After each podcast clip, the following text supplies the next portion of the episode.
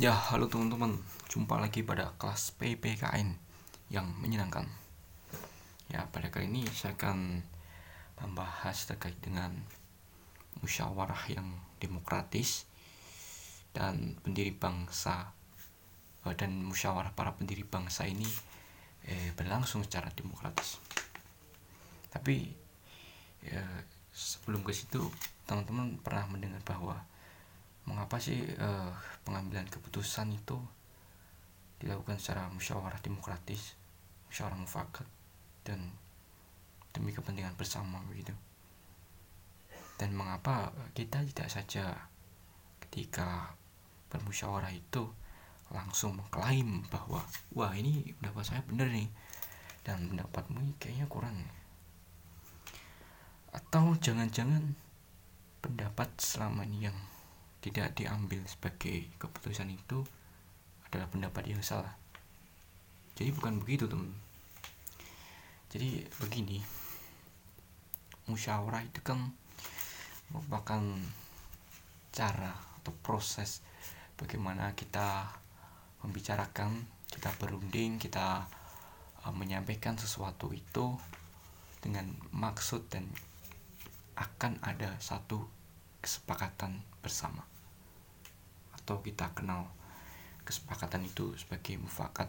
Ya dalam mufakat sendiri kan uh, sebagai sesuatu itu harus yang disetujui itu harus uh, berasaskan pada hal-hal yang bersumber dari sila keempat kemudian uh, kehendak rakyat atau kehendak masyarakat ataupun kehendak banyak teman-teman ya kalau itu di kelas ya teman-teman.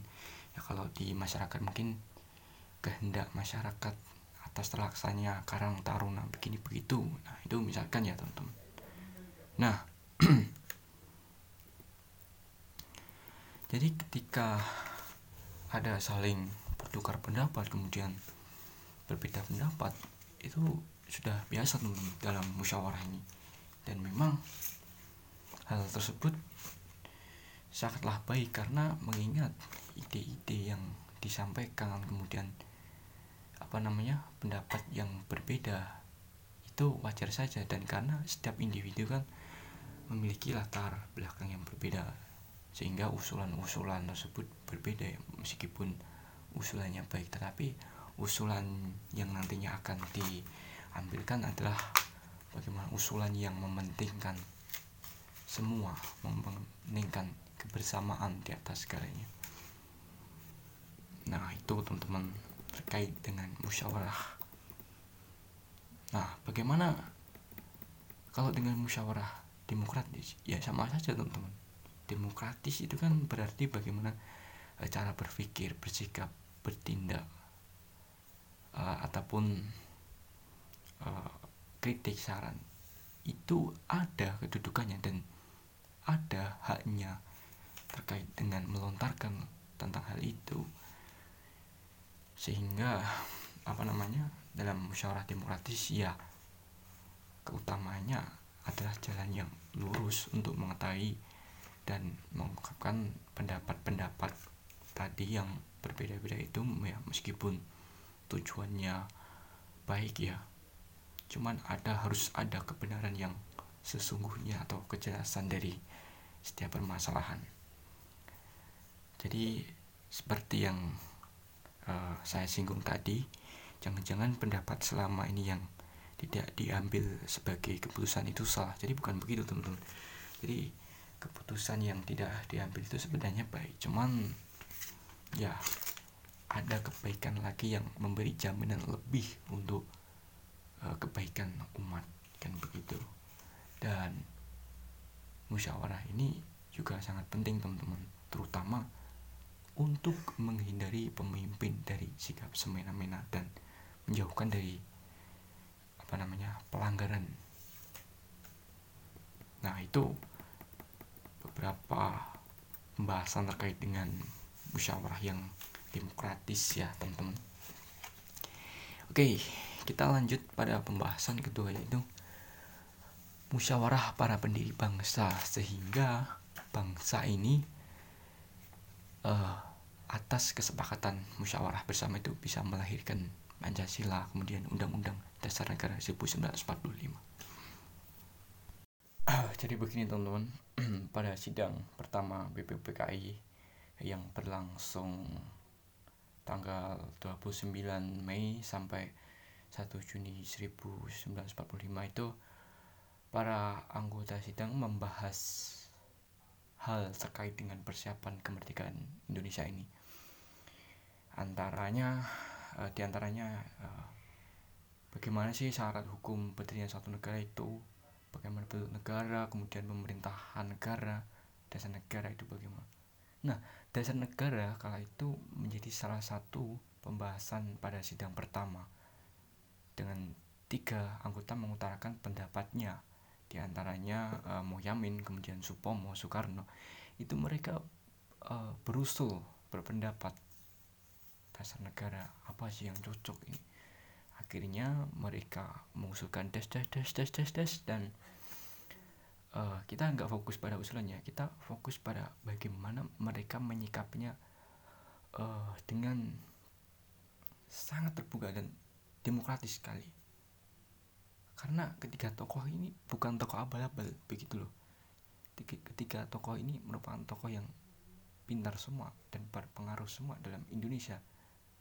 Tapi bagaimana kepintaran mereka bisa bersatu itu? Ini yang sulit teman-teman. Kalau hal ini terjadi di masa sekarang pasti ya wah dari ribet begini begitu wah.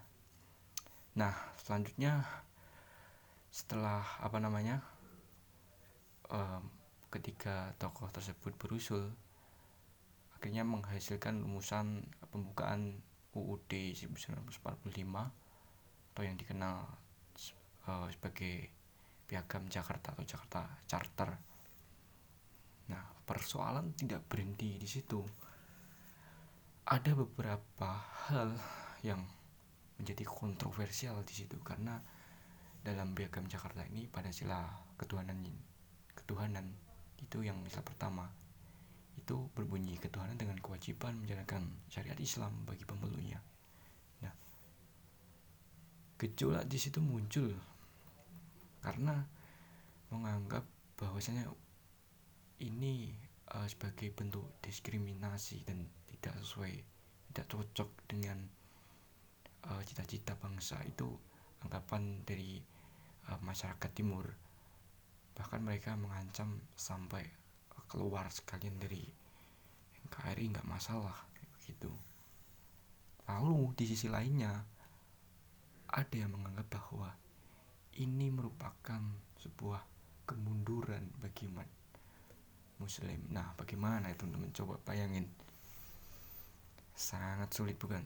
Nah akhirnya diadakanlah pertemuan-pertemuan kemudian uh, musyawarah untuk membahas hal ini. Bagaimana sih agar hal ini bisa disatukan antara kepentingan ini dengan kepentingan itu dan bla bla bla. Sehingga akhirnya dengan inisiatifnya Muhammad Hatta itu mengadakan pertemuan dengan uh, lima anggota PPKI yaitu Bagus Hadi Kusumo Wahid Hashim, kemudian Kasman Singemejo dan Teguh Hasan.